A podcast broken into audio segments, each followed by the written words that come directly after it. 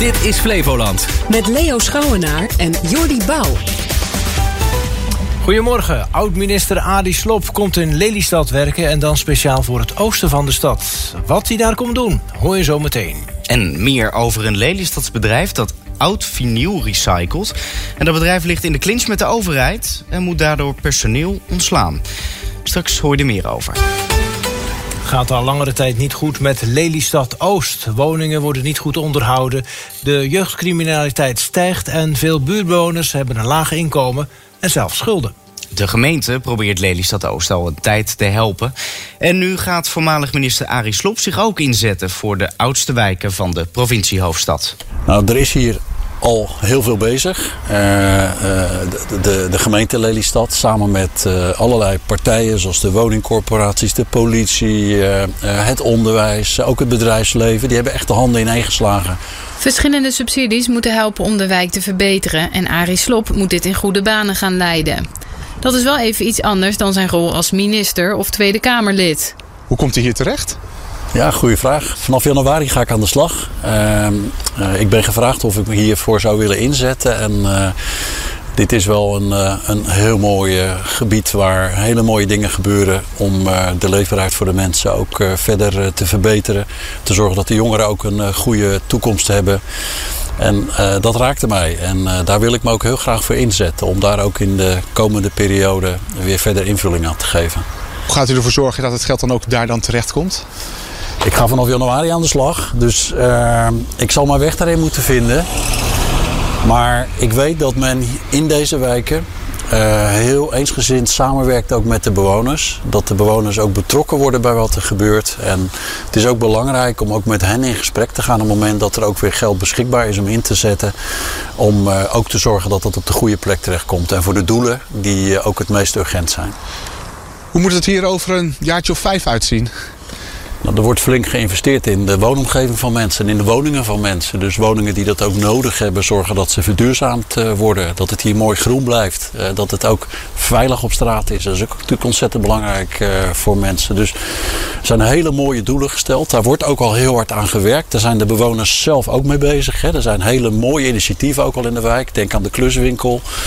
Dat uh, is een heel mooi voorbeeld van hoe bewoners zelf ook uh, bezig zijn. En uh, ja, het zou heel fijn zijn als we dat verder kunnen doorzetten. En ook zorgen dat het hier goed blijft gaan. Arie Slop was dat in een reportage van Arend Dubbelboer en Cindy Keizer. Ze draaien al anderhalf jaar op halve kracht. En dat zijn ze bij het Lelystadsbedrijf vinylrecycling.com flink beu. Het bedrijf voelt zich tegengewerkt door de overheid. Het heeft alles te maken met hoe de ILT, de Inspectie Leefomgeving en Transport, het werk van het bedrijf indeelt. Het bedrijf verwerkt PVC, polyvinylchloride.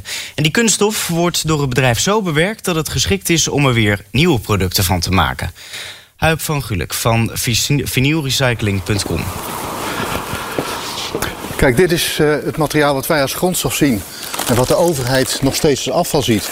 Het is erg mooi granulaat en direct in uh, een mooie nieuwe tuinslang of in een, uh, in een regelaars in te zetten. Of in profielen voor, voor badkamers. Gewoon een mooi zacht PVC. En ik denk dat iedereen zegt, ja, dit is grondstof. Maar de overheid zegt, nee, het is afval. Vinylrecycling.com koopt in heel Europa partijen PVC. Dat kunnen resten zijn van PVC-vloeren, maar ook van die grijze rioolbuizen of kunstleer. Ja, we krijgen het binnen in, uh, in rollen, in, uh, in afsnijsels en dergelijke. En dat kunnen we shredderen, kunnen we malen, kunnen we uh, een poeder van maken of we kunnen er een granulaat van maken. En daar kun je dus weer nieuwe producten van maken? Ja, dat is gelijk eigenlijk weer direct inzetbaar in een, in een nieuw product. Het gaat in de, uh, ja, eigenlijk vanuit ons gaat het weer naar een nieuwe producent die er weer een eindproduct van maakt. Yes. Recycling dus? 100% recycling naar een nieuwe grondstof. Helemaal niet, zegt de overheid. Dit bedrijf werkt niet met grondstoffen, maar met afval. Die beoordeling heeft grote gevolgen voor het bedrijf, want afval mag je niet verkopen buiten Europa. Ja, de douane houdt dan zo'n container tegen en die zegt van ja, afval mag je niet versturen. Terwijl het dus een grondstof is. We versturen het als een grondstof. Maar de overheid zegt ja, afval, dus het mag niet verstuurd worden. Die opstelling van de overheid is het bedrijf meer dan een doorn in het oog. Het levert het bedrijf schade op. Al anderhalf jaar hebben we dus nu halve capaciteit. Inmiddels 25, 27 man ontslagen. Het middenmanagement is eruit. Uh, alle mensen uit de productie zijn bijna weg. Dus meer dan de helft van het uh, personeel is eigenlijk ontslagen. Het is ons niet gelukt om de inspectie tot een ander inzicht te bewegen, zegt Huip van Gulik. Om voor eens en altijd duidelijkheid te hebben, is het bedrijf naar de Raad van State gestapt. We hopen uiteraard dat hij uh, met ons meegaat. Dat ze ook zeggen van jongens, dit is een grondstof. ILT, kijk er even op een andere manier naar. want het, het, is natuurlijk uh, te zot voor woorden dat we met dit soort voorraden blijven zitten. terwijl dat gewoon weer een, een mooi nieuw product kan worden. Huip van Gulik was dat van het Lelystadse bedrijf vinylrecycling.com in de verslag van Menno Hoemboer. Wat heb je gisteravond gemist op radio en tv? Ook in Nieuwsuur was er aandacht voor de veroordeling van Desi Boutersen voor de decembermoorden.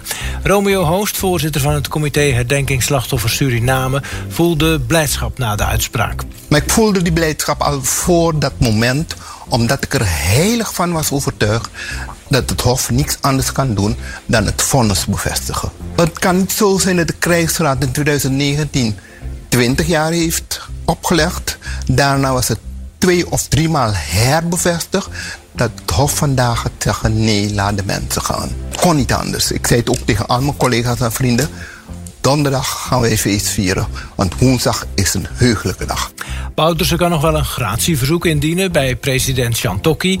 Dat moet dan binnen een week gebeuren, vertelde Hoost. Hij gaat dat doen. Hij gaat dat zeker doen. Bouterse wil alles doen om buiten de gevangenis te blijven. Maar een uh, Chantokki doet dat niet alleen. Hij moet overleggen met de rechters die het vonnis hebben geveld. En uh, ik denk niet dat de rechter die vandaag 20 jaar opleg aan de moordenaar. Morgen zegt om de mooie oog van Santoki, laat de man maar gaan. Dat denk ik niet. Hij gaat zitten. Het aantal explosies in Nederland is verviervoudigd. Vooral in Rotterdam loopt het uit de hand. En wat de politie ook doet, de ontploffingen blijven elkaar opvolgen. In op één vertelde Hugo Hillenaar, hoofdofficier van Justitie Rotterdam, over de daders. Ongeveer 55% van de daders die zijn jonger dan 22 jaar. Uh, en je ziet dat het, uh, het gemak waarmee het eigenlijk gebeurt, hè, uh, waar, waarmee zo'n explosief verkregen kan worden, voor een paar honderd euro. Want jongens worden ingehuurd? Die, die, die jongens worden ingehuurd, zeker. Ze, ze verdienen daar zo'n 500 tot 1000 euro mee. We, we kennen zelfs situaties waarin het gaat om 200 euro. Er is nu een proef waarbij de politie een andere aanpak dan normaal hanteert. Er wordt een brief gestuurd naar de sleutelfiguren in een criminele groep. Boodschap 1 is dat we zeggen: wij weten zeg maar, waar jij mee bezig bent en wij maken ons zorgen over jou.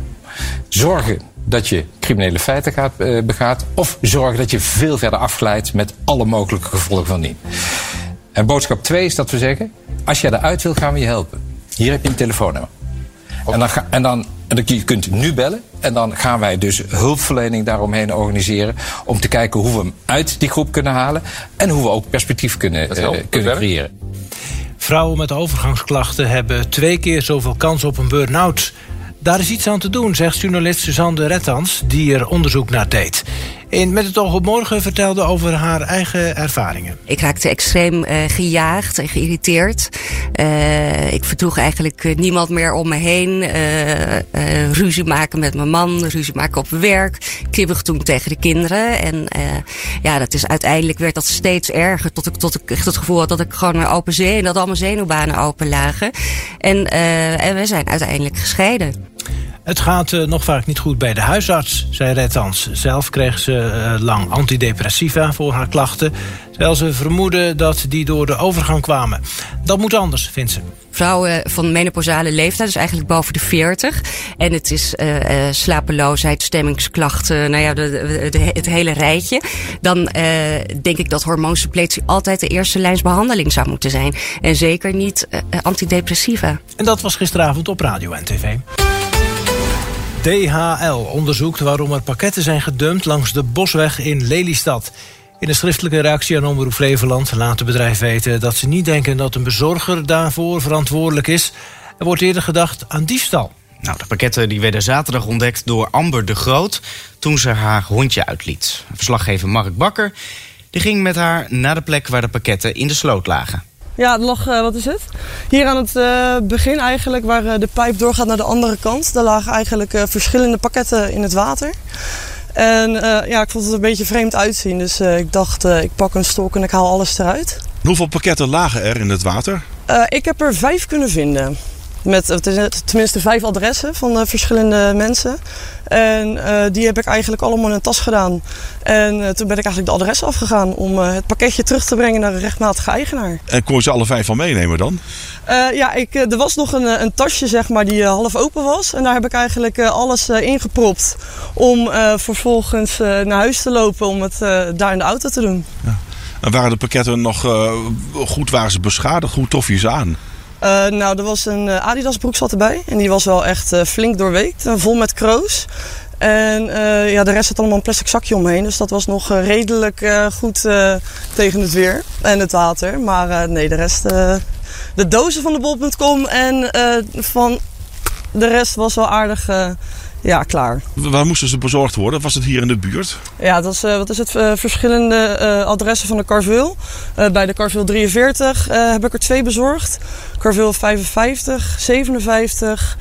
ik ben nog bij 5 geweest en Kogge 8. En hoe reageerden de mensen die dan die pakketjes alsnog van jou kregen? Nou, ze waren wel heel erg blij dat ik ze überhaupt terugbracht. En nou, ze vonden het gewoon schandalig dat er zo omgegaan gaat worden met pakketten. En, uh, maar vooral heel blij dat ik eigenlijk uh, naar hun toe kwam uh, en foto's heb gedeeld, zodat ze in ieder geval een onderzoek kunnen starten of een klacht kunnen indienen. Nou Amber, de stok die ligt hier nog. Die heb je nou weer in je handen ja, gepakt. En tof. er loopt een weggetje over de sloot. Andere kant van de weg, daar drijft nog iets in het water. Ja, klopt ja. En dat is mogelijk van een van die pakketten? Ja, ik herken het, uh, wat is het, het bedrijf. De, ik weet dat een van de, de mensen die uh, miste nog iets van het pakket. Ze had het over iets uh, van pillen. Dus iets van vitaminepillen. Dus ik denk dat dat het is. We gaan even kijken. Ja, dat is goed. Het is inderdaad een strip met pillen. Maar uh, inderdaad, is het, is een, uh, een stripje. En dat zijn waarschijnlijk vitaminepillen? Ja, want ik weet dat het andere pakket dat was uh, visolie. Dus ze zei dat ze nog wat miste. Dus ik denk dat dit van mevrouw is. En zo kan er misschien nog wel meer liggen hier in de sloot. Ja, je ziet daar ook, wat is het? Echt een beetje een olieachtige vlek. Dus dit, ja, het is wel een beetje verontreinigd hier zo. Je zou bijna zeggen een milieudelict. Het bijna wel, ja. Ja, klopt. Zonde. Almer de Groot, uh, lopend over de Bosweg in Lelystad. Tijd voor de berichten van buiten Flevoland. Op Schiphol gaan vandaag niet alle vluchten door. Luchtvaartmaatschappijen hebben er zo'n 250 geannuleerd. Het heeft te maken met de straffe wind. Ja, en dan uiteindelijk heb je in de middag uh, waarschijnlijk maar één uh, landingsbaan, start- en landingsbaan beschikbaar. En vandaar dat er dan moet gekeken worden van ja, uh, hoe kunnen we dit zo goed mogelijk faciliteren. Ja, dan kom je gauw op zo'n reductie, hè, dan worden de vluchten geschrapt. In een volgepakte arena hebben de vrouwen van Ajax een sterke wedstrijd gespeeld in de Champions League gisteravond. In Amsterdam werd Bayern München, de Duitse landskampioen, met 1-0 verslagen. Ajax kwam vlak voor rust via Romee Leugter op voorsprong. En die gaf het in de tweede helft niet meer uit handen. We hebben het zo goed volgehouden met z'n allen, dus echt uh, complimenten. Ja. Hoe is het voor jou om te scoren? Want eindelijk krijg je ballen en dan gaat hij erin ook. Ja, nee, super mooi, weet je wel. Hier in de arena met zoveel mensen is echt, uh, is echt fantastisch, ja. Nou, die is dol enthousiast. En door die zegen staat Ajax nu eerste in de pool. Een prijzenregen gisteravond op het Sportgala in Utrecht. Sportvrouw van het jaar 2023 is geworden Femke Bol. Sportman van het jaar 2023 is geworden Mathieu van der Poel. Sportploeg van het jaar 2023 is geworden de estafette vrouwen 400 meter. Ja, de grote winnaar was dus eh, Femke Bol. Ze mochten twee Jaap Eden trofeeën in ontvangst nemen. En dat waren ze, de berichten van Buiten Flevoland. Eerste kerstdag wordt een onvergetelijke dag met Flevoland. Op de radio sfeervolle muziek. En op tv een bijzondere versie van Het Kerstverhaal. Je hoort en ziet bekende en nieuwe gospels, bekende popsongs... en natuurlijk een prachtige kerstvertelling in een uniek jasje. En vanaf 8 uur in de avond het spannende liefdesdrama... Tom op de boerderij van theatergroep Suburbia. Jouw kerst wordt onvergetelijk. Kijk of luister eerste kerstdag naar Flevoland.